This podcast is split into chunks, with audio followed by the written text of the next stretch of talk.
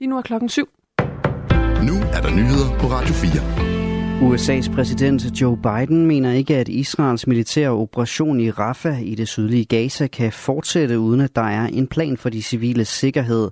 Så lyder det en udtalelse fra det hvide hus, efter at Joe Biden har talt i telefon med Israels premierminister Benjamin Netanyahu. Det er anden gang på mindre end en uge, at Biden advarer Netanyahu om at lave en offensiv i det sydlige Gaza, uden først at have sikret dem, der befinder sig der. Tidligere på måneden lød det også fra den amerikanske præsident, at Israels gengældelse for Hamas' angreb den 7. oktober havde været overdrevet. Onsdag sagde Netanyahu, at Israel kommer til at iværksætte offensiven mod Hamas i Rafah, der er det sidste tilflugtssted for palæstinenser i det sydlige Gaza. Styrker fra Israels militær har foretaget flere anholdelser, efter de i går trængte ind på Nasser-hospitalet i byen Khan Yunis i det sydlige Gaza. Det oplyser talsperson for Israels militær Daniel Hagari. Styrker pågreb et antal mistænkte på Nasser-hospitalet, siger han.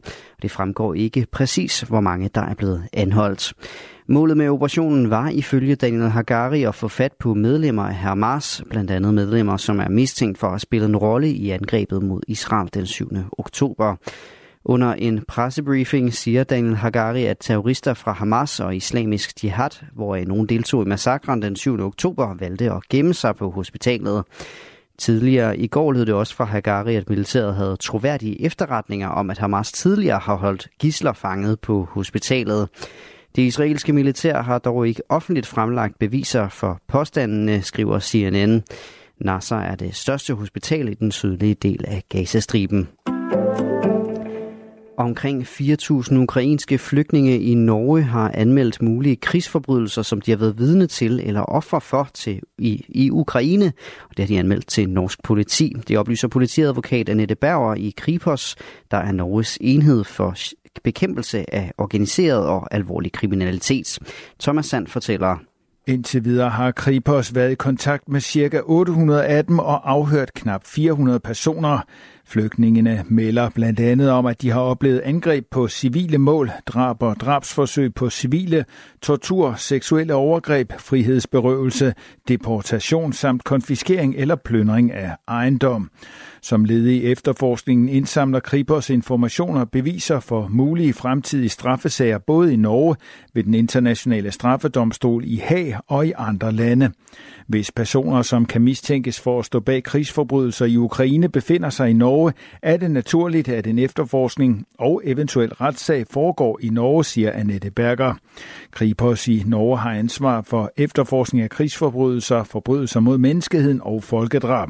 Siden Ruslands invasion af Ukraine 24. februar 2022 har over 6,3 millioner ukrainere forladt landet. Næsten 71.000 af dem har fået opholdstilladelse i Norge. Og det tal kan stige til over 100.000 i løbet af i år, har det norske udlændingediktoratet meddelt.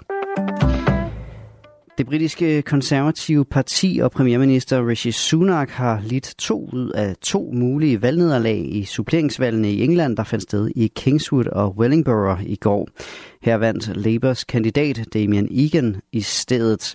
Og nederlagene betyder, at ingen regering er gået til valg på flere nederlag i suppleringsvalgene end den nuværende siden 1960. Det forventes, at der afholdes valg i Storbritannien i år. En FBI-informant er blevet anholdt og anklaget for at have løjet og fabrikeret falske beviser om USA's præsident Joe Bidens søn Hunter Biden og hans forretningsaftaler med det ukrainske energiselskab Burisma Holdings. Det skriver Washington Post på baggrund af oplysninger fra David Weiss, der er særlig efterforsker i sagen mod Hunter Biden. Hunter Biden sad i Burismas bestyrelse fra 2014 til 2019.